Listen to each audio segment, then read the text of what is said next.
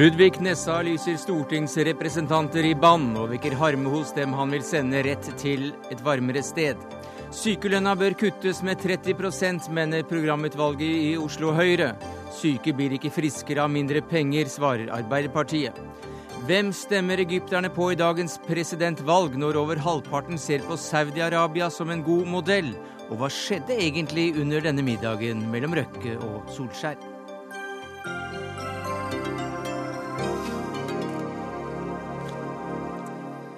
Ja, Det er noen av sakene i eh, Dagsnytt 18 denne onsdagen, hvor vi også tar temperaturen på lønnsoppgjør i stat og kommune. 30 000 står nemlig klare til å streike fra i morgen tidlig. Men først til Bergen og årets eh, festspill i byen mellom de sju fjell.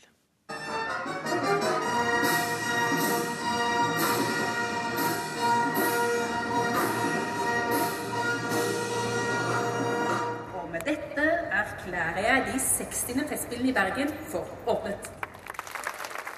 Og sju ganger sju hurra, eller hvor mange dere fikk til, eh, Per Boje Hansen. Det var i hvert fall Anniken Huitfeldt som åpnet Festspillene, og fanfaren var skrevet av Ketil Woslef. Men hvem var det vi hørte? Eh, Vi hørte Venezuela Brass Band, Ja. et fabelaktig orkester fra dette hele systemet i Caracas. Festspilledirektør Per Boje Hansen, gratulerer med dagen, og gratulerer med 60-årsjubileet. Tusen takk. Fint vær har dere fått også. Hvor mange ganger har du sjekket værmeldingen de siste dagene? Du, Den var så stabil og, og god, så vi hadde en ganske klar avtale. Så det har jeg vært veldig trygg på noen dager nå. Dette er ditt uh, siste festspill. Har vemodet tatt deg? Nei, på ingen måte. Jeg er vel heller det jeg vil kalle for litt oppstemt og oppskrudd over alt det fabelaktige som skjer nå. Det var en kjempefin åpningsseremoni, og nå skal vi jo da ha premiere her i Grieghallen på Händel-opera i regi av Stefan Herheim bare om en snau time, så, så nå er det vel mer intensitet enn vemod. Men du overtok altså uh, Festspilldirektørjobben i 2005, ett år etter uh, islandske Bergljot uh, Jonsdottir, som jo var den som gjorde denne historiske bragden, eller bommerten, å ikke spille 'Jeg tok min nystemte' med Festspillåpningen. Uh, hvordan har du markert deg? Nei, det vet jeg vel ikke. Det er så mange meninger om sånt. vet du. Jeg hadde vel ikke kanskje den der ene høydaren som Bella hadde. Liksom det å virkelig klare å sette seg inn i historiebøkene ved å ikke spille nystemten. Jeg har forsøkt meg. Jeg prøvde på Eller jeg har ikke bare prøvde på, jeg gjorde det også. Jeg tok bort A-moll-konserten på avslutningskonserten. Ja. Og allerede første året så tok jeg bort nasjonalsangen, som har vært sunget uavbrutt på slutten av uh, Festspillavslutningskonserten hvert eneste år inntil jeg begynte. Men det var ingen som reagerte. Jeg var veldig skuffet over det. Ble ingen helt villig i adelsnikkersen av det? Nei, de gjorde ikke det. Det var bare noen, noen eldre eh, bergensere som sto på første rad og sa 'skal vi ikke få synge nasjonalsangen da, Boje Hansen?' Og det var alt som skjedde. Ja, apropos det, så har jo da eh, kulturministeren i dag sagt i sin åpningstale at det ikke er noen motsetning mellom elite og bredde i kulturen, i hvert fall ikke under Festspillene i Bergen. Men hva sier eh, fruene i Kalfaret til det? Nei, Jeg likte veldig godt det som Anniken Huitfeldt sa i dag. Eh, Det var godt at hun sa det også så tydelig. Eh, Den, eh, den, det maset liksom om at eh, innenfor kulturliv så skal alt være bredde. Det er klart at vi skal ha begge deler. og F.eks. disse musikerne som vi har her nå for andre år på rad fra, fra Caracas, er jo et lysende eksempel på at du kan nå inn i de i de kroker hvor man virkelig skulle tro at det er umulig å komme, altså i slummen i Caracas, og få musikere til å spille på verdensnivå. Selvfølgelig er det mulig, men akkurat som at vi liksom ikke alltid stoler på det. Og det, i Norge å prøve å skape en eller annen sånn forskjell på at det, kultur, musikk, klassisk musikk eller hva det nå enn skal være, bare er for fiffen, det er jo en fullstendig Det er en myte som har gått helt uh, av mote, eller ut, gått av på dato. Men de skulle jo helst ha vært og spilt på Nattjazzen, dette ensemblet fra Venezuela, og ikke i Grieghallen. Nei, det er jeg jo veldig uenig med deg i. Eh, dessuten så er det ikke så vits i å sette i grunn nå en sånn skille mellom nattjazzen og festspillene. Det er da mye av det som skjer her som kanskje kunne vært på nattjazzen og Mozart også, motsatt også. Men du, Truls Mørk, eh, Ansnes selvfølgelig, Bertolt Brecht, Arve Tellefsen, Torolf Maurstad, til og med Sokrates er med i dette lett aldrende og mannetunge programmet i år. Det er flinke folk, men de representerer kanskje ikke fornying og spillende talenter? Jo, det tror jeg nok absolutt de gjør. Jeg tror det er veldig mange kunstnere på Festspillene i Bergen i år som nettopp representerer det. Men det å stå i et forhold til historien, altså til uh, vår tradisjon, det er veldig viktig. I år feirer vi vårt 60-årsjubileum. Det som Dag Solstad sa i dag, at vi enhver tid må på en måte kjempe for også å, å, å bruke historien for sin egen samtid. Og, og, det å forholde seg bevisst til vår, vår, historie, det er kjempeviktig. Hvis vi slutter å gjøre det, så har faktisk ikke Festspillene noen berettigelse, etter mitt syn.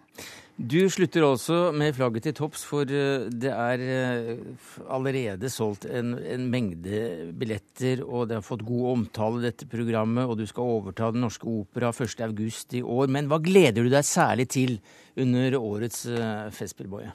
Ja, nå gleder jeg meg som et barn til julaften, for nå er det premiere på, på Serkses, Hendeloperaen, ja. her i Grieghallen. Jeg sitter og ser ned på dekorasjonen herfra. Jeg så den eh, for ti dager siden da den hadde premiere i Berlin, så jeg vet at det er bra. Ellers så gleder jeg meg til det ene etter det andre. Eh, det er liksom ja, fredag Maler Chamber Orchestra med Leif Ove Ansnes. Mm. Eh, selvfølgelig brassbandet igjen på søndag formiddag her i Grieghallen. Dette fabelaktige brassbandet fra, fra, Venezuela. Det sammensatte orkesteret, altså det vi kaller for Orkestra Nove, Norge-Venezuela, som da består av 50% unge norske musikere sammen med venezuelanske eh, siste helgen, det, det, blir nok et høydepunkt. Jeg, syns de står i kø. Det gjør de sikkert, Per Boje Hansen, og det gjør nok publikum også, men takk skal du ha. Gratulerer igjen med 60-årsjubileet, festspilledirektør som du er.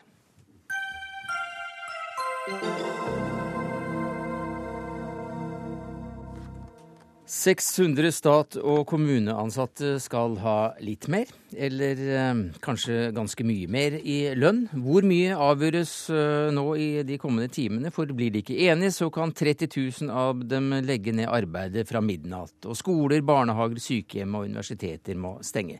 Reporter Katrin Hellesnes, du følger innspurten nede hos Riksmekleren. Hva er siste nytt? Det er tidlig på kvelden enda, så siste nytt er rett og slett at forhandlingene mellom partene pågår fortsatt. Hva krever de? De vil ha penger, og de har krevd en lønnsvekst på rundt 4% Høyskolegruppene, som lærere, jurister og sosionomer, de vil ha mer enn andre grupper. Og så er det andre slags krav. De vil ha ti dagers lønnet permisjon for å ta seg av gamle foreldre. Eh, automatisk lønnsopprykk for ansatte som har vært ute i foreldrepermisjon i et halvt år eller mer, bl.a. Hva er det de er eller kommer til å bli mest uenige om? Her er det dragkamp om både penger og prinsipper. og men sånn summa summarum så er det jo penger det handler om. F.eks. Eh, flere dager til velferdspermisjon. Det er jo ikke gratis for arbeidsgiveren. Fristen går ut eh, ved midnatt. Hva skjer da, eventuelt? Eh, da vil det merkes. Som du sa, opp mot 30 eh, 000 arbeidstakere kan bli tatt ut. Eh, og du nevnte skoler, barnehager, sykehjem kan bli stengt eller delvis stengt, så både barn og eldre blir rammet. Universiteter og høyskoler, eksamener blir avlyst. Tollere og parkeringsvakter skal også streike, hvis det blir streik, da. Takk skal du ha, Katrin Hellesnes, som også da følger dette fra Riksmeklerens kontor i Oslo. Stein Aabe, du er politisk kommentator i Dagbladet, og du har spesielt interessert deg for eh, lønnsforhandlinger og, og den slags.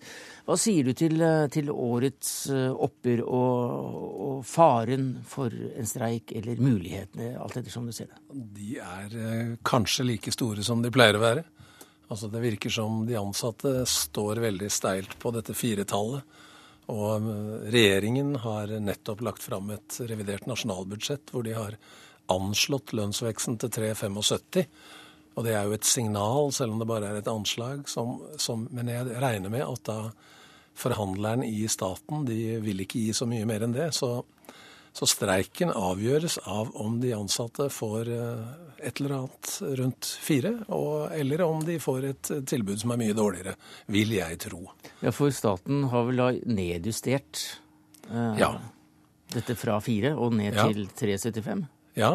Var det noe lurt rett før eh... Altså Det tror jeg i, i, hvert fall har det vært egnet til å hisse opp mm. uh, organisasjonene. Fordi de oppfatter dette som en utidig innblanding i forhandlingene. Regjeringen pleier jo å si at dette er partenes ansvar, og de skal finne ut av oppgjøret. Men, men det er det jo ikke. Men fire-fem dager eller en uke før oppgjøret å legge fram et tall som da er et anslag for årets lønnsvekst, som da strider veldig mot, uh, mot det de ansattes organisasjoner tror det blir, fordi de har regnet litt på hva de har oppnådd i privat sektor, det blir ansett som innblanding, og, og det da øker temperaturen. For du skriver i Dagbladet i dag at uh, det er det er antagelig, det kan bli flere grupper enn bøndene som Jens Stoltenberg får mot seg i dette oppgjøret? Ja, hvis det da blir eh, streik og, og mye surmuling blant de stats- og kommuneansatte, så eh, får han jo dem også på nakken. Eh, de liker jo ikke en, en gjerrig og påholden arbeidsgiver. Men samtidig har jo Jens Stoltenberg og Sigbjørn Johnsen gode argumenter. Norge er en, en idyllisk øy i et uh, kriseramma Europa. Så Det gjør jo at, at, de med en slags moralsk uh, argumentasjon kan si at nå må dere holde igjen, mm. og vi må spare og legge til side til verre tider i Norge også. Men du har fulgt med dette her i mange år. Hva er det som skjer nå? Hvordan skjer disse forhandlingene? Nå venter de og venter. Det er en slags adventstid, fordi eh, det virker som det at tingene, brikkene, faller seint på plass, er et slags press, det også. Sånn at eh, det, er, det skjer sjelden noe før midnatt. Eh, vi, vi, vi, får alltid oppleve riksmekleren som stiller opp i Kveldsnytt mm. og sier et eller annet uh, om at partene står fortsatt langt fra hverandre, men, men at natten er lang og, ja. og, og, lys. Så det blir ikke brudd uh, klokka null? Nei, det tror ikke jeg. Altså, det kan jo hende, hvis det er så stor avstand, at uh, altså, hvis staten ikke rikker seg fra et, tall, et stykke ned på tretallet, Eh, så kan det hende at de, de setter i gang en streik. Og da, da blir det en eh, like så mye en politisk streik som en, eh, som en, en streik som rammer arbeidsgiver. For det skjer jo ikke i offentlig sektor. Men altså fra 3,75 til 4, det er bare 0,25 Ja, man kan det, si det. Det virker jo helt Det er småtteri, men, men, men likevel. De stats- og kommuneansatte klager jo som regel på at de sakker etter de særlig tilsvarende grupper med litt lengre utdanning i privat sektor. Men hvis ikke de har noe å gjøre i adventstiden mens de venter på julenissen, så kanskje de hører på Dagsnytt 18, og du kan vel fortelle dem omtrent hvor de kommer til å havne? Nei, jeg tipper jo at det havner på 3,95 ja, eller 4,01. Alt etter hvordan man regner. Takk skal du ha, Stein Aabe, politisk kommentator i Dagbladet.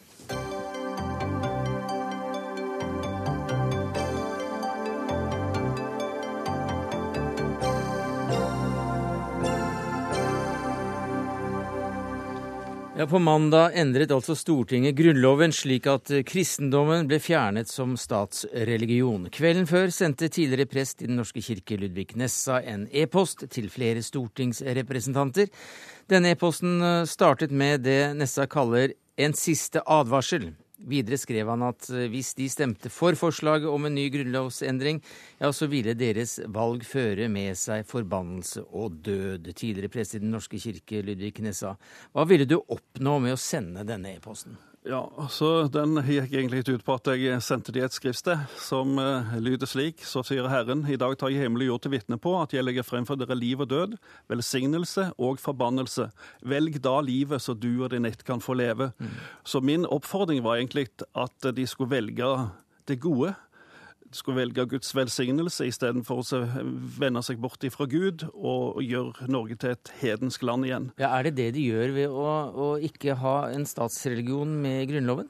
Ja, altså nå har de innført uh, humanismebegrepet i uh, Grunnlovens paragraf 2. De prøver å blande kristendom og humanisme, men vi vet jo at humanisme det er artisme, i beste fall agnostisisme. Mm -hmm. Og det er et veldig uklart begrep, sånn at uh, nå ligger egentlig all makt i Stortinget uten at de har noen som helst begrensning. Altså De ti bud ligger ikke lenger i bunnen av eh, norsk lovgivning, så nå kan de gjøre akkurat som de vil. Hva sier du, du til det som eh, stortingsrepresentant for Kristelig Folkeparti, Kjell Ingolf Ropstad?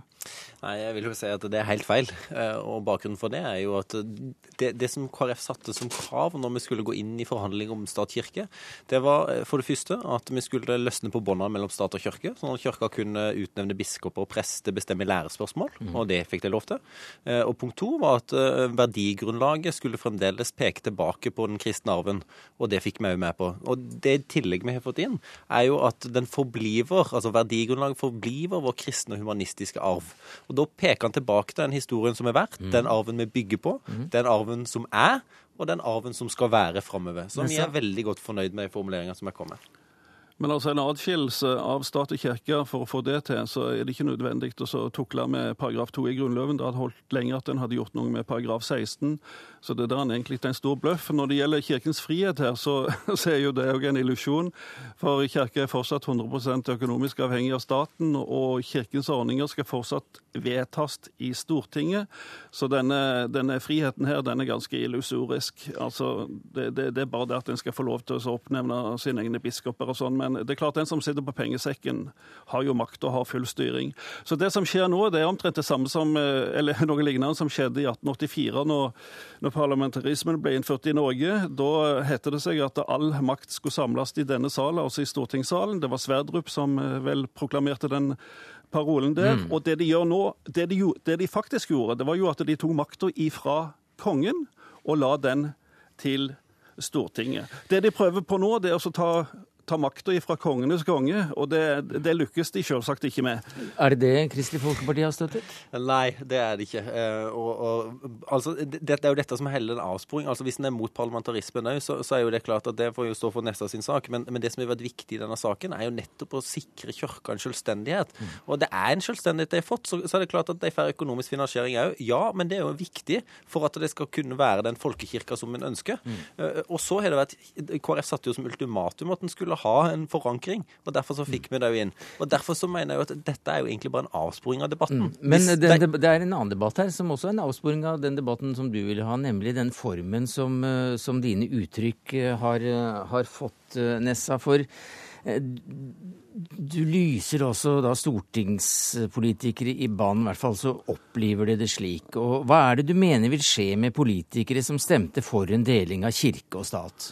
Ja, altså, du brukte det, jo Moseboken her. Altså, altså vi, vi, vi, vil få mer av det som allerede har skjedd. Altså Den største men, men hvilken, hvilken, skjebne er da utsett for, for, disse stortingspolitikerne som stemte for deling?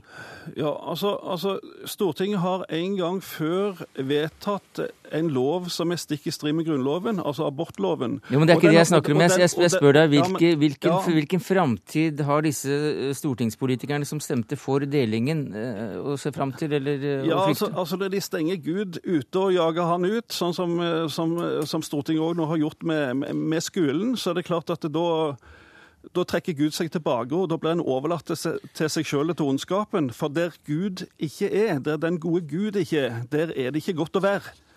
Og som kristne så tror vi og er fullt overbevist om at det er en himmel og nå et helvete å unnfly. Mm. Og jeg eh, syns at eh, kristne stortingsrepresentanter burde kjempe for kristendommen istedenfor å sørge for at eh, landet igjen blir, blir hedensk. Marianne Aasen, leder i kirkeutdanning og forskningskomiteen for Arbeiderpartiet. Hvordan opplevde, opplevde du å få en, en slik e-post fra Nessa? Skal jeg være helt ærlig, så syns jeg det var totalt uinteressant. Mm -hmm. Jeg syns at uh, Ludvig Nessa plasserer seg helt på siden, uh, og at han har, har, svært høye tanker om seg selv og sin egen tolkning av kristendommen. I dag har jeg, i likhet med to andre i kirkekomiteen, møtt Norges kristne råd. Der møtte vi Den norske kirke, som representerer 80 av den norske befolkning, i tillegg til alle katolikkene, metodistene, eh, baptistene, pinsemenigheten, eh, vel, alle de andre kristne i Norge. Og de går rundt og er veldig glade. De syns det er fantastisk at deres, eh, deres eh, menigheter da blir likestilt, deres kirke blir likestilt med statskirken. De syns det er fantastisk at kirken også kan utnevne sine egne eh, biskoper og sine egne ledere. Og de har store forventninger til at dette kan mm. føre veldig bra av sted for Kristen-Norge. Og de syns jeg det er veldig interessant å lytte til, diskutere med. Mens det som Nessa her kom med, syns jeg egentlig bare er en parentes. Hva, hva syns du er uh, hva, hva syns du om denne trusselen? For han, sier, han, han truer og sier at dette er den siste advarselen, Ropstad. Ja, eh, og, og ifølge Nessa så er jo da altså Guds velsignelse forlatt over Norge nå på mandag. da. Fordi når vi gjennomførte endringene, så mm. var det jo tydelig at Gud ikke lenger skulle velsigne landet. Og Det synes jeg er en veldig spesiell tankegang å, å ha rundt det. Og jeg, jeg, er veldig stolt, og i likhet med, med komitélederen så er jeg veldig glad på mandag når endringene ble vedtatt. Og det var et samstemt storting som, som understreka viktigheten av at det skulle gjort, fordi det var bra for kirka, og det var bra for landet. Nessa. Alle, alle politikere snakker om eh, eldrebølgen, men ingen eh, sier hvorfor. Alle sier at Jeppe drikker, men ingen eh, forteller hvorfor. Altså, altså nå har allerede Stortinget vedtatt en lov som har kosta en halv million mennesker livet. og dette kommer til å gå galt hvis at en ikke snur nå og vender om til Gud og til livets lover og respekterer de ti Guds bud. Men det er en helt annen debatt, Nessa. For debatten om vern om livet, debatten om andre viktige typer verdispørsmål, det er uavhengig av Grunnloven. Ja, jeg har vært opptatt av KrF, jeg har vært opptatt av Stortinget. Jeg har òg vært opptatt av at det skal være en kristen forankring i Grunnloven. Men den debatten som du reiser, det er jo en helt annen debatt, som jeg vet at under den Grunnloven som var, og vil helt sikkert gjelde under den nye. Og så må man jo heller ta den type debatter i et annet forum enn, en det du gjør i dag. Men abort, Abortloven var stikk i strid med, med, med Grunnloven, og det vedtaket som dere gjorde på mandag òg, stikk i strid med paragraf 112 i Grunnloven. Men sånn den, den abortloven den er nå der den er, og den uh, snakker vi ikke om i dag. Men uh, du hadde lyst til å si noe i den forbindelse, Åsen? Ja, nei, det, dette viser jo hvor forvirrende det er å følge Ludvig Nessas resonnementer. Det, det, er feiltolkninger, eh, og det er misvisende påstander. Og eh, jeg syns at Nessa burde være seg litt mer ansvarsbevisst i forhold til de som hører på han, mm. som går rundt og tror at noe forferdelig kommer til å skje, når eh, beviselig det aller aller største, den store majoriteten, og 99% av Kristen-Norge bejubler dette, så syns jeg det nesten er dårlig gjort overfor eh, de som da eh, forledes av denne type påstander som ikke henger på greip i det hele tatt. Forleder du, Nessa? Ja, altså Når eldrebølgen slår inn for fullt, så vil kanskje òg politikernes øyne åpnes. Men problemet med politikere er at de ikke ser lyset før de brenner seg på det. Men du sier også at stortingsrepresentantene vil merke Guds eh, vrede. Ja, det kommer de til å gjøre. Og, og, det kommer til å gå galt med landet vårt. Altså, Vi har vært et velsigna land, det beste landet i verden å bo i. Og det kommer pga. Eh, Guds velsignelse. Og nå vender en seg bort ifra Gud, og det kommer til å gå galt. Dette er pensjonsfondet det kommer bare til å forsvinne. Og når eldrebølgen slår inn, ja, hva da? Da er det ikke folk til å stelle oss når vi ligger der på sykehjem. Men har dette, noe, har dette noe, kirke, har dette noe med kirke og stat å gjøre? Det har noe med paragraf 2 å gjøre. Nemlig at man også skiller ut uh, Men jeg syns Marianne Aasen har et veldig viktig poeng, og det er jo at Nessa er med på å villede det hedenskap. Men, mm. men, men, det er et veldig viktig poeng at Nessa er med på å villede mange mennesker. For én ting er mailen jeg fikk av Nessa, men jeg tror vi fikk en 35-40 andre mailer. Så han er ikke alene? Så, nei, det var jo copy-paste, for å si det sånn. Jo, jo. Og, og, når en svarte på mailene og fortalte hva som egentlig var fakta, så var det mange som sa oi, var det dette som var sannheten? Og derfor er det veldig trist at det er mange mennesker som er bekymra for at uh, en skal ta ut uh, kristendommen og Grunnloven eller noe sånt. Men, det var ikke tilfellet, det som skjedde. Men, Takk skal du, der du sitter i Fredrikstad, Lidvig Nessa, tidligere prest i Den norske norske kirke. Mer eh, om og med deg i Aktuelt eh, senere i kveld på NRK2. Takk til Kjell Ingolf Ropstad, stortingsrepresentant for Kristelig Folkeparti, og Marianne Aasen, leder i kirke-, utdannings- og forskningskomiteen for Arbeiderpartiet. Ja, Helge Simones, eh, vi hører også her at det er 40 stykker som har sendt slike mailer. Hvor mange kan det være snakk om som deler Nessas syn her?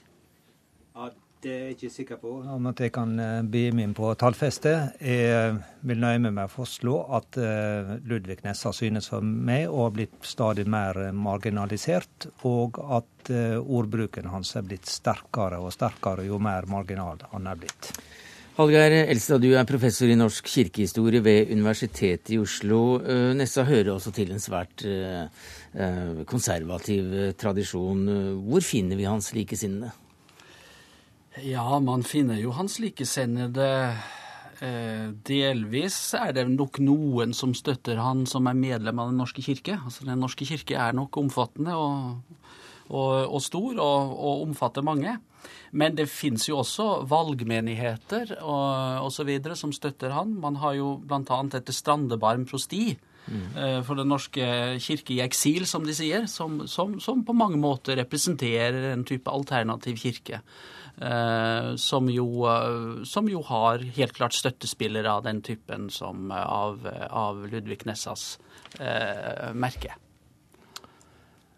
Men det som er veldig spesielt når du hører på Nessa argumentere nå, så er jo det denne retorikken om velsignelse og forbannelse. Og at en har så tydelig knytta opp til at det politiske vedtak kan føre til Guds forbannelse. Det er veldig sterkt å høre, og eh, det er ikke bra at det virker som at det er kristne som tenker på den måten. Og jeg håper inderlig at uh, de fleste skjønner at dette er en, et svært spesielt uh, syn, som ikke representerer dagens norske kristenhet. Ja, Jeg er helt enig i at, at det er helt klart at dette er marginale. Men det er klart at dette framføres som det gjør. Det er klart at det, det er negativt eh, i forhold til eh, Ikke minst i forhold til opinionen og, eh, og hva den kristne tradisjonen faktisk står for. Jeg syns det er jo helt tydelig at han, når han tar utgangspunkt i dette med velsignelse kontra forbannelse, så er det jo først og fremst den gammeltestamentlige tradisjonen han, eh, han bringer til torgs. Ja, det er Mosebøkene han refererer til? Ja, han refererer til Mosebøkene. Mens si, kjærlighetsbudskapet i Kristus, som jo er Det nye testamentets sentrale anliggende, det, det, det får ikke den plassen. Og Hvis man f.eks. ser på hvordan ordet forbannelse eller forbannet bruker, så finnes det så å si ikke i Det nye testamentet, men det er i Det gamle mm. testamentet. Men han lyser også stortingsrepresentanten representanter i banen, i hvert fall så opplever de det. Og han har tidligere også lyst hele regjeringsbygningen ja, ja, ja. i banen. Hva er det for noe? Jeg er litt usikker på hva han faktisk gjør i denne, i denne mailen. Uh, altså Det er klart at dette med bannlysning, eller ekskommunikasjon som det heter, handler jo om utelukkelse fra kirkesamfunnet. Mm -hmm. uh, og det er jo en tradisjon som har vært i kirken helt fra aposteltiden. Uh, hvor at man utstøtter åpenbare syndere fra, fra, fra menigheten. Store band og så små? Ja, store band og lille band. Det store banen går jo på utelukkelse fra nattverdfellesskapet. Mm. Uh, det, er det lille band. Mm. Det store banen er altså utelukkelse fra kirkefellesskapet. Det er klart I middelalderen så var det å bli utelukket fra kirkens goder en svært alvorlig sak. Nå kan det jo nevnes at Martin Luther etter reformasjonen eh, ønsket jo ikke å, å fastholde denne tanken om det store vann, men, men, men, var opptatt av at man kunne avvise åpenbare syndere fra nattverdbordet. Nå tror ikke vi skal bli så forundra over at eh, at eh, Ludvig Nessa bruker eh, gammeltestamentlig retorikk. For jeg tror, slik som jeg har oppfattet han, at han anser, sjø, anser seg sjøl som en profetskikkelse mm. i Norge i dag. Mm. Og at det er den profetoppgaven som han skal ivareta, mm. og at han dermed har rett til å bruke virkelig sterke ord, og nesten sette seg i Guds sted og si hva er det som fører til mangel på velsignelse. Og det er jo det han egentlig sier, at det er mangel på velsignelse. Men så kommuniserer han slik at eh, stortingsrepresentanter og de som vedtar lover, de opplever at dette er en form for forbannelse. Og det er jo veldig alvorlig. Ja, Hvem er det som egentlig kan uh, lyse folk eller hus, hus i bann, da? Ja, altså, Ifølge gammel tradisjon så kunne jo menighetens prest faktisk faktisk gjøre det, altså i den lokale menighet. Eh, men det ble jo ikke veldig ofte brukt. Også, Der, også, i, også ja, etter altså det, det, var i, i lovverket en, en, en, mulighet for dette, selv om det ikke var så mye brukt. Altså, men dette med å utelukke folk fra nattvern var jo mer vanlig. Men altså, vi er jo ikke der i Den norske kirke i dag. Altså, I praksis så har jo vi i, den norske, i, i folkekirken i dag ingen, ingen kirketukt.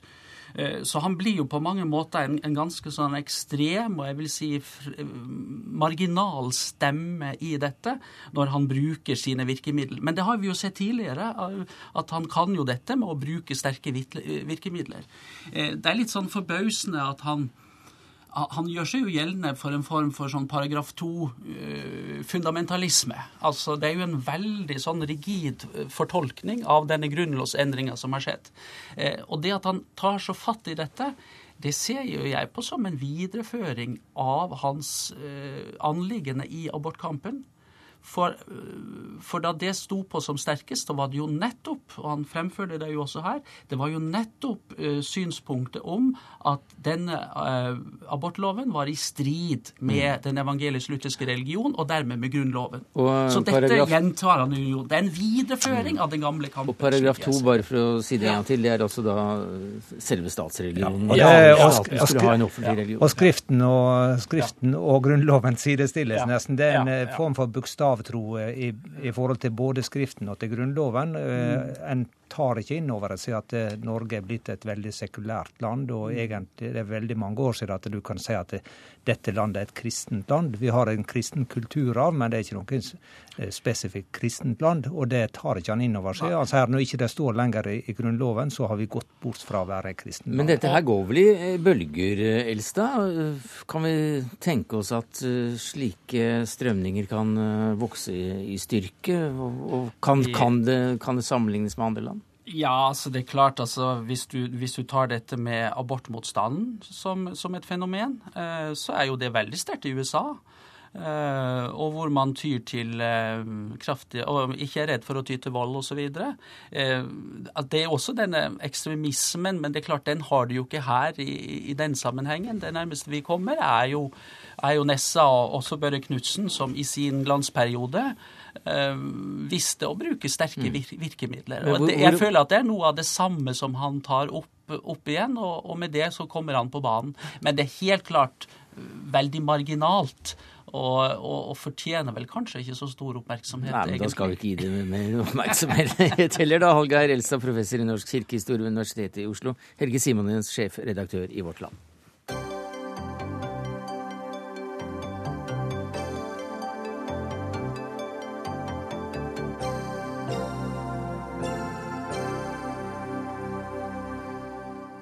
Oslo Høyre foreslår at lønnsmottakere ikke lenger skal få full lønn under sykdom i ett år, slik det er i dag, men at vi må nøye oss med 70% fra dag én. Ifølge Dagsavisen støttes forslaget av flere Høyre-topper, og Torbjørn Sølsnes, du er leder i Oslo Høyres programutvalg. Og hvorfor vil dere kutte sykelønnen?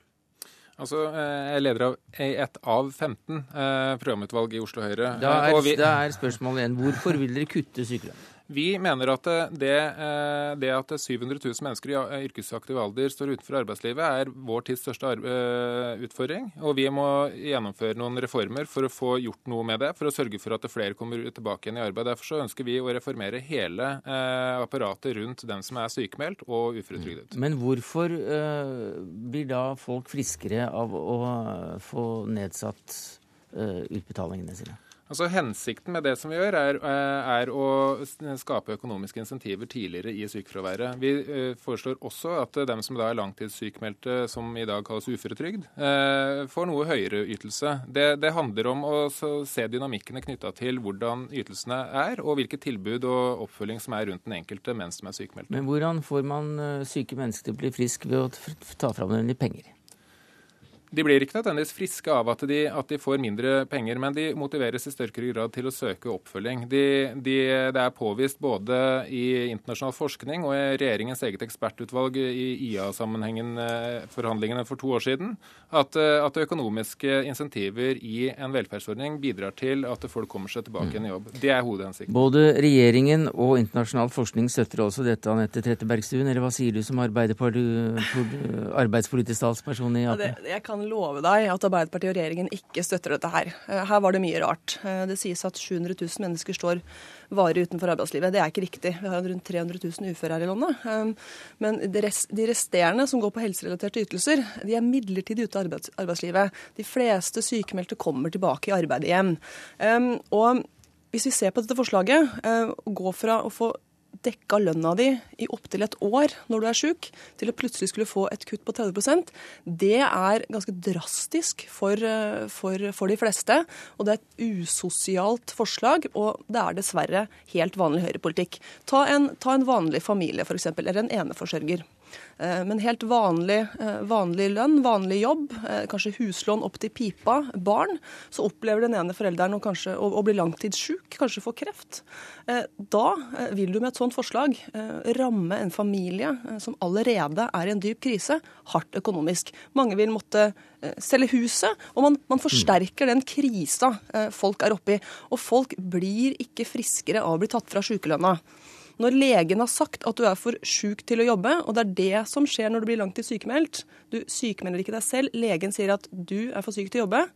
Ja, hva skal da insentivene være? Eh, jo, kutt, kutte sykelønna, og så skal de plutselig bli friske og gå tilbake til jobb? Her er det viktig å påpeke at med en, med en sånn sammenslåing så vil man uh, av ytelser som vi foreslår, nemlig det at, uh, at uh, uføretrygd, sykelønn, arbeidsavklaringspenger samles i én velferdsordning, så vil man få en betydelig forenkling av velferdsapparatet på den ene siden.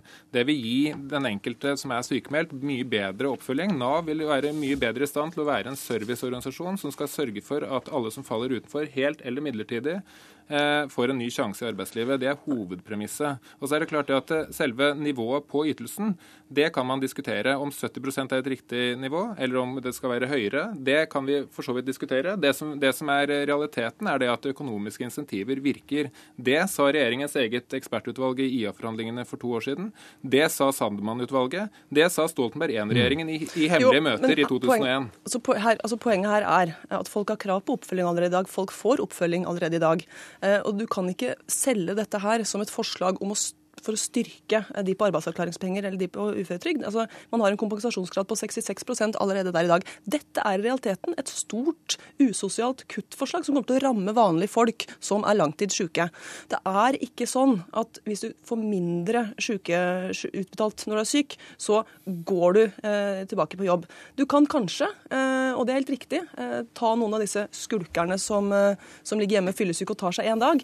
men her igjen er vi nødt til å se på på langtidssykefraværet og korttidssykefraværet. Det er langtidssykefraværet mm. som er problemet i Norge. Korttidssykefraværet er på rundt 1 det. Nå må få, få ta det. Og, ja, et øyeblikk. Ja, og da er det et ganske vesentlig poeng som Anette Trettebergstuen burde kanskje tenke litt mer over. og Det er det faktum at hvis man er sykemeldt i ett år i dag, så er det ca. 17% sjanse for at du kommer tilbake igjen i jobb. Det viser statistikken.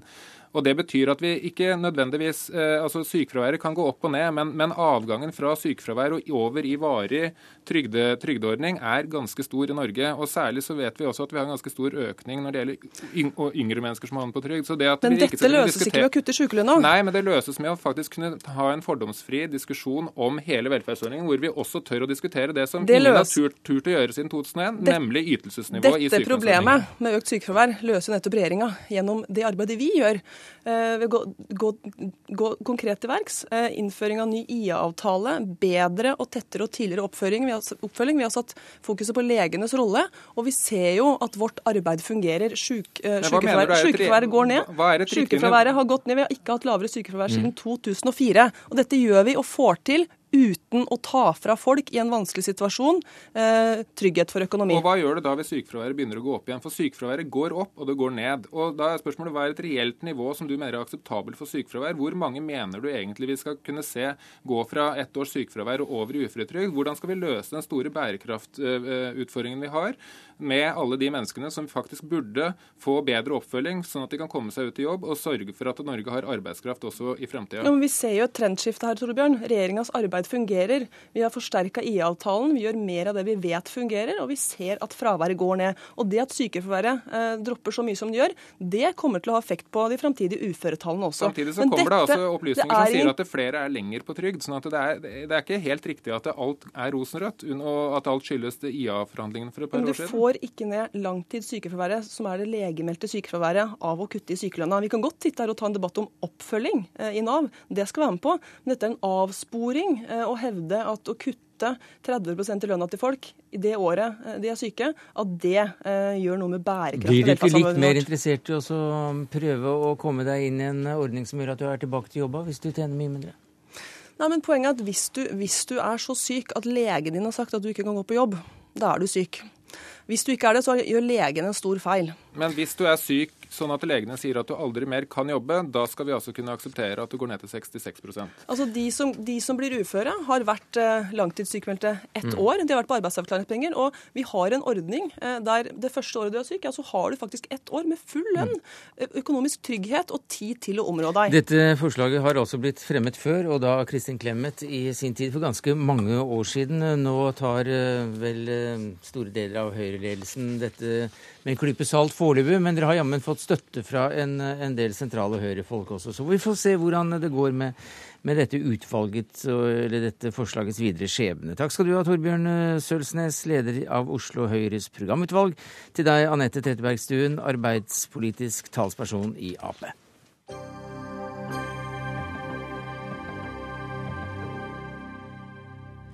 Ja, I dag og i morgen så avholdes altså det første demokratiske presidentvalget i Egypt i historien, og den historien er jammen lang. Og dette hadde selv ikke en egyptkjenner som deg drømt om for halvannet år siden, eller hva sier du, Univika, du er professor i sosialantropologi? Nei, det hadde ingen drømt om. Det er uh, utenfor alle forventninger. Men her er vi. Her er vi. Og der er du, Sigurd Falkenberg Mikkelsen, eh, midt i Kairo, der det hele skjer i hovedstaden. Du følger med fra din base der. Hvordan vil du beskrive atmosfæren i Egypts hovedstad nå den første valgdagen? Ja, jeg så på Tahrir-plassen, hvor alt startet for rundt 15 eh, måneder siden.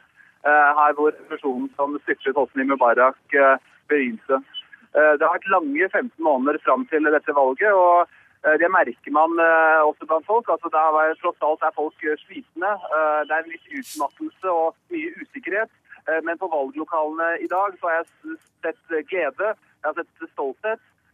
Fordi dette valget føler egypterne at, at betyr noe. Dette er da første valgomgang, og som du sier så er det i dag og i morgen. Blir det en annen valgomgang, eller er det noen som vinner med mer enn 50 ja, Da vil jeg bli eh, veldig overrasket hvis noen av kandidatene får over 50 eh, Det er i alt tolv kandidater, fire-fem av de som har eh, skilt seg ut. Det er mer et spørsmål om hvem som kommer til andre runde, enn om det blir en annen runde. Hvem er det som er nærmest 50% i dag, da?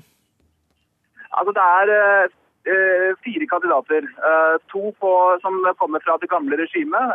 Amer Musta, tidligere utenriksminister og leder av Den arabiske liga. Eh, og Ahmed Shafi, som var statsminister en kort periode, og også general under Mubarak. De to eh, har, eh, har samlet mye stemmer på den ene siden, og så er det to islamistkandidater på den andre. Det, islam, det muslimske brorskapets egen kandidat, Mohammed Morsi, og utbryteren fra brorskapet, Abdul Fotou, som også, også, er en populær kandidat, særlig blant unge, unge og også fått støtte fra salafistene. Takk skal du ha, Sigurd Falkenberg Mikkelsen i Kairo under Vikan. Du har jo da som antropolog eh, et helt unikt uh, utkikkspunkt fra den haugen av data som du har skaffet deg ved å ha fulgt de samme uh, ganske fattige familiene i flere generasjoner. Mm. Tre generasjoner. Mm. Du har snakket med noen av dem i dag. Hva sier de? Ja, De sier at det er veldig usikkert. De aner ikke hva de skal gjøre. De sier at de uh, syns det er vanskelig å skille mellom noen av kandidatene. Noen sier at de vil gå for Amr som da er den som har vært utenriksminister hos eh, Mubarak og ledet eh, Den arabiske liga. Andre sier nei, han er for gammel, han er 75. Ehm, jeg hører eh, mange som vil støtte den Abdel Foto, som var med i brorskapet, og så brøt ut av brorskapet fordi han mente at de var ikke demokratiske nok i sin holdning. Så han fremstår uh, også i de miljøene jeg kjenner, som en sterk mm. kandidat. Men det du sier er at det er uh, ganske at det er usikkerhet og, ikke en glede og stolthet som uh, preger de, dine kilder? Ja, det vil jeg si. Men det er som Falkenberg Mikkelsen sa, at folk er så slitne. Dette året som har gått, har tæret så på alles ressurser. Både økonomien har jo gått rett til bunns, og det er en økende altså mangel på trygghet i landet. Så folk vil nå bare ha ting på plass.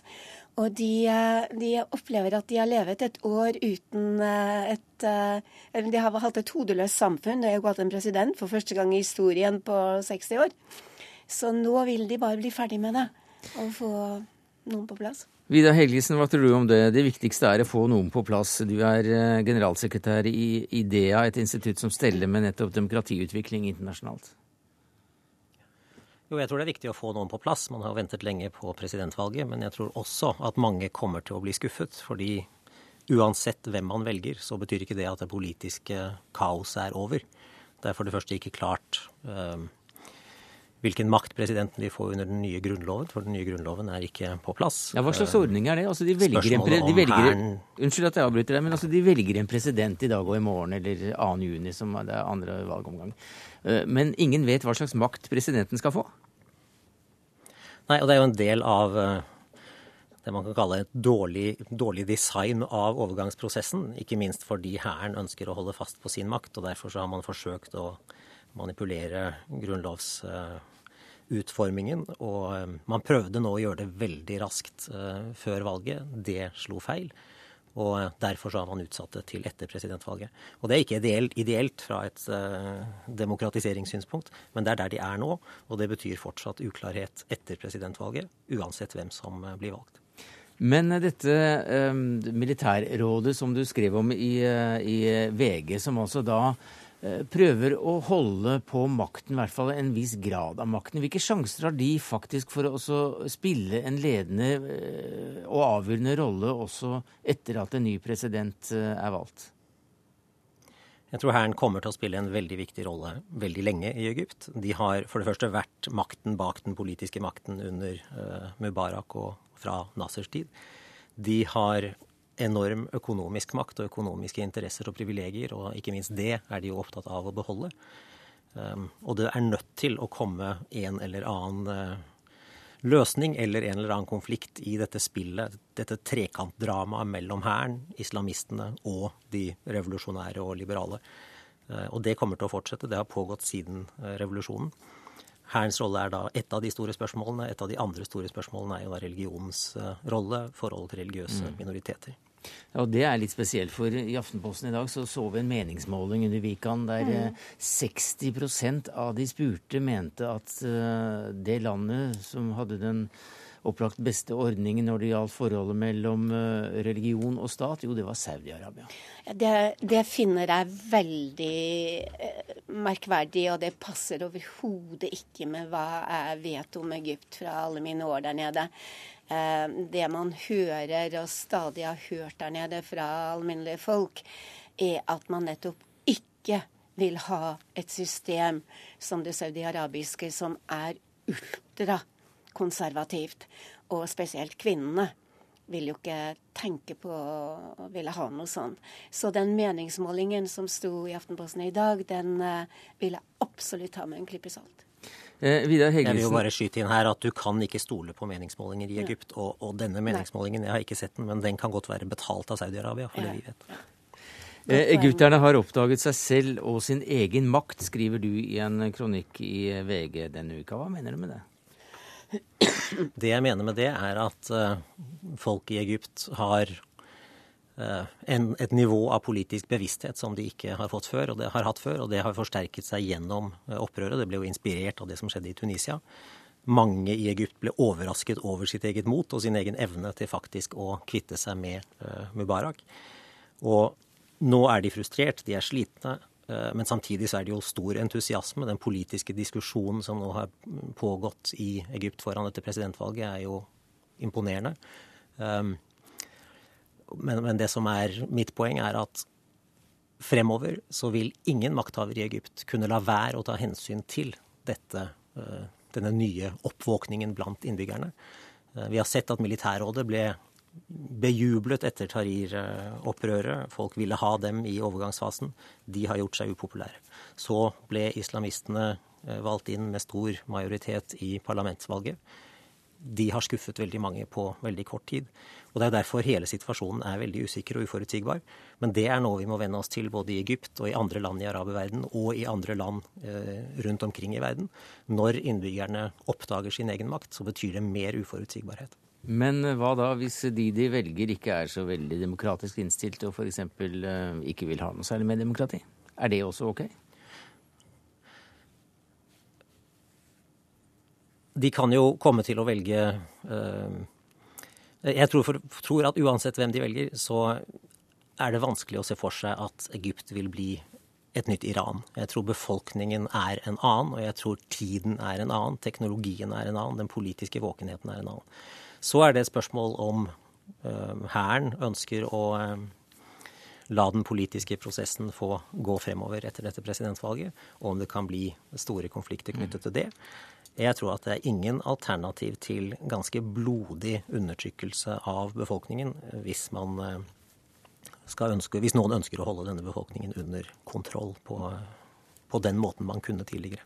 Hva tror du, Unni Wikan, er demokratiet kommet for å bli en, en stund Nei, i historiens lys ja. Eh, for det første, det, man kan snakke om hva slags demokrati er det Egypt nå har fått. Jeg var der nede da eh, valget til parlamentet skjedde i mm. desember. Og folk gikk jo til urnene og stemte fordi at det var bot hvis det ikke gikk. Og veldig hadde ikke peiling på hvem de stemte på. Jeg har snakket med noen i dag som har vært og stemt på president, og de vet ikke hvem de har stemt på. De har, gått, eh, de har vært analfabeter, og de vet ikke. Sånn at eh, demokrati i en viss form ja, har de fått demokrati, og det er veldig positivt. Jeg er helt enig med Helgesen i det. Det er ikke noen vei tilbake. Men hva som kommer til å skje fremover, vil bero i veldig stor grad på hva de som får makten, eh, klarer å gjøre med økonomien hvor, hvilket overskudd kommer folk til å ha til å engasjere seg politisk? Eller i hvilken grad kommer de til å ha nok med å prøve å eh, få til det daglige brød? Hvis eh, det er det det primært nå handler om der nede. Det er rett og slett å få levebrød til storparten av befolkningen. Og ja, de er stolt over hva de har fått til. Definitivt. Men man skal også huske at i et land som Egypt, fra langt tilbake i historien så har folk lært at politikere er ikke til å stole på. Så de har lært å leve sine liv veldig mye uavhengig av dem, og det kommer de til å fortsette å gjøre. Takk skal du ha, Unni Wikan, professor i sosialantropologi ved Universitetet i Oslo. Til deg, Vidar Helgesen, generalsekretær i International Institute of Democracy and Electoral Assistance. Det var eh, akkurat eh, Egypt eh, i dag. Det pågår også valg i morgen. 29. blir det erklært hvem som går videre, antagelig ta til denne annen valgomgangen som skjer 2. juni.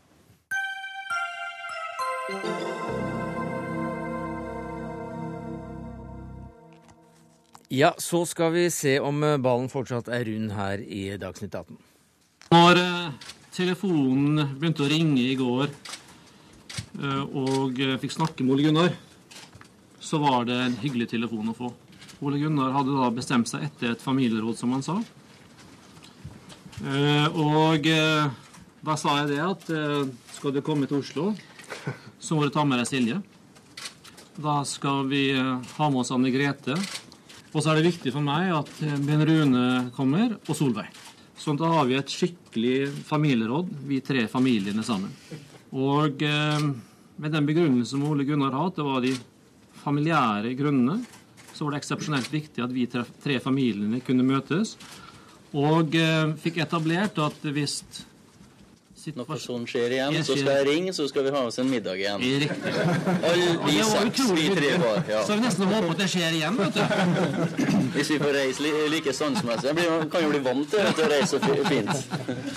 Karina Olsen eh, Olseth, du er sportsjournalist her i NRK. Hva var det vi var vitne til eh, skjedde på, på denne pressekonferansen i Molde i dag? Det som kom fram der, bortsett fra eh, ganske uinteressante ting som eh, hva konene til de her involverte partene heter, og hva de spiste til middag hjemme hos Røkke, så fikk vi vite det som alle skjønte fra før av, at, at Ole Gunnar Solskjær blir i Molde, og eh, at han ikke går videre med forhandlinger med Esten Villa, og det at Røkke og Gjelsten da tar over det engasjementet som Aker hadde, har hatt og skal ha fram til 2013. Hva syns du om seansen? Nei, Jeg syns jo det var litt pinlig. Mm -hmm. Hvorfor det?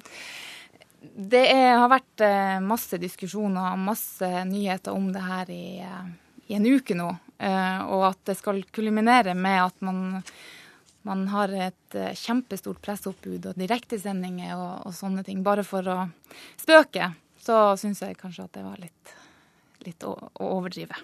Tom Stalsberg, du er fotballjournalist i eh, Dagbladet. Hvordan, hvordan vil du beskrive denne saken her? Eh, hele saken? Nei, altså her er det jo noen som tydeligvis bør få seg noe annet enn eh, hemmelige mobilnumre, så de ser hvem som ringer. Ellers får de lære seg å sende SMS. Og det har vært et raseri her. Det, er jo, det er godt ei kule varmt ut på Kongelungen her. Ja. Eh, seansen i Molde i dag var jo veldig fin reklame for Oskar Syltes ananasbrus i tillegg, for den sto jo veldig sentralt. Eh, som Karina sier, så var det nesten På, på begynnelsen så var det litt klamt, altså. For de var så usannsynlig enige. Mm. Jeg hadde vært mer ærlig og bare sagt at har, her har vi banna og skriket. Kanskje det var taktisk smart å ha med seg konene, så fikk dempa den guttepraten som kanskje hadde kommet.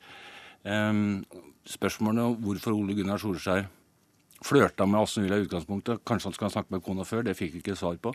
Men og Røkke kommer ut av hia. Han har ikke vist seg på et par år, så det var interessant. Det må fotball til også, for at han tar privatflyet sitt til Molde igjen. Ja, Hva sier du til det, Steinar Dyrnes? Du er eh, Aftenpostens Moskva-korrespondent, men du har tidligere fulgt Kjell Inge Røkke gjennom ti år som næringsjournalist og har skrevet bok om, eh, om Røkke.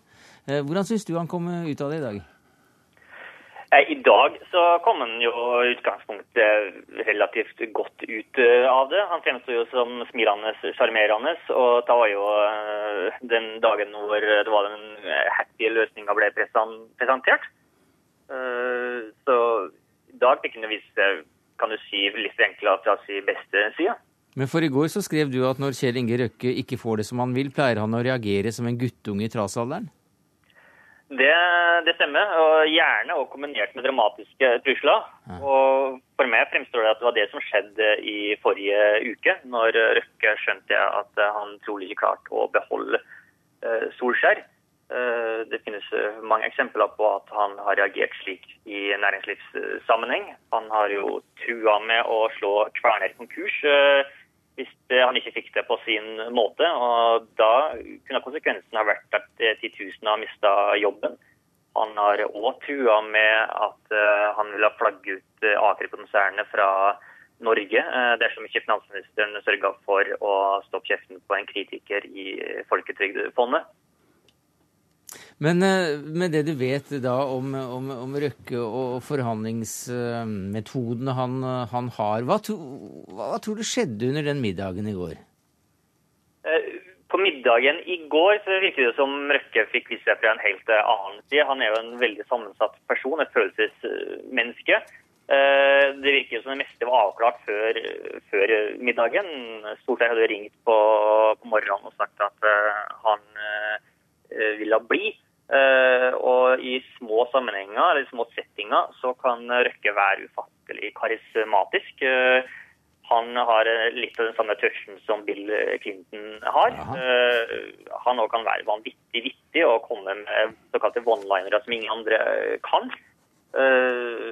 så i går tror jeg alle sammen hadde rett og slett veldig mm. festlig og artig. I tillegg til at han da jo la pengene på, på bordet igjen. Ja, Stalsberg, det er jo kommet penger på bordet her, så det virker jo som om faktisk eh, man har kommet bedre ut av det for fotballklubben og for Solskjær enn eh, man hadde utgangspunkt for? Ja, Saker hadde jo signalisert at de skulle trekke seg ut, og, ja. men da tyr jo Røkke til sin gode venn Gjelsen, som har vært med på fotballeventyr før i, i Wimbledon. Så jeg får håpe at ikke de skal flytte Molde til Milton Keynes, som de gjorde med Dons. Så hvordan det gikk? Ja, det så, nei da. Men altså, det jeg syns pressekonferansen på mange tok seg, tok seg, opp fra at det var litt klamt og pinlig og, og alt det her. Eh, og jeg, det jeg kjenner til Solskjær etter å ha jobba med han i England i tre år, altså dekke fotballen mm. Jeg stoler på han når han sier at dette her, han vil ha med seg familien på rådet.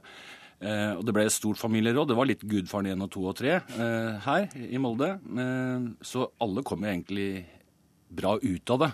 Eh, det er jo bra at det, altså Har han et sinne på en fotballklubb, så er det bedre enn at han har sinne og skal si opp 10 000, da. Men nå har han altså sagt at han blir i hvert fall ett år, mm. og ikke noe mer flørting med den ene eller andre. Hvis ikke Manchester United kommer da, da ja. blir det litt, annerledes. Men uh, uh, hva slags framtid tror du han har i, i engelsk Premier League? Altså Solskjær har en, Det er en annen kultur der, så jeg vet ikke hvordan de reagerer på at han eh, med det jeg kjenner av engelsk kultur og har fulgt og fotball i så mange år, hvordan han reagerer på at du sier at familien, familiehensyn. Men det tror jeg går over. Han har en stor standing.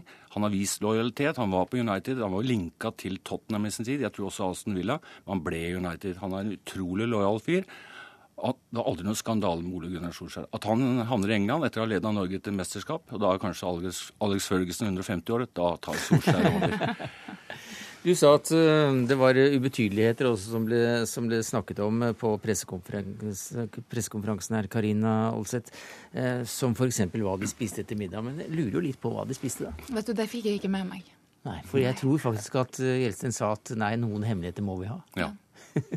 Men uh, hvor mye ekstra penger ble lagt på bordet i dag? Vi fikk vel ikke noen eksakte summer der. Det har vært spekulert om ti millioner, jeg vet ikke hvor mye. Men det, altså, Røkke og Gjelsten altså, de er jo herr og, her og fru, holdt jeg på å si. De er herr og fru Molde. Eh, de er interessert i å få denne klubben. Nå skal de ut i Champions League-kvalifisering. De legger penger på bordet. Og det blir spennende. Takk skal du ha, Tom Stalsberg, fotballjournalist i Dagbladet, til Karina Olseth, sportsjournalist her i NRK, og til deg, Steinar Dyrnes, Aftenpostens Moskva-korrespondent. Det var det vi rakk i Dagsnytt 18 denne onsdagen, takket være ansvarlig for det hele Dag Dørum. Det tekniske ansvaret har Karl Johan Rimstad. Jeg heter Sverre Tom Radøy.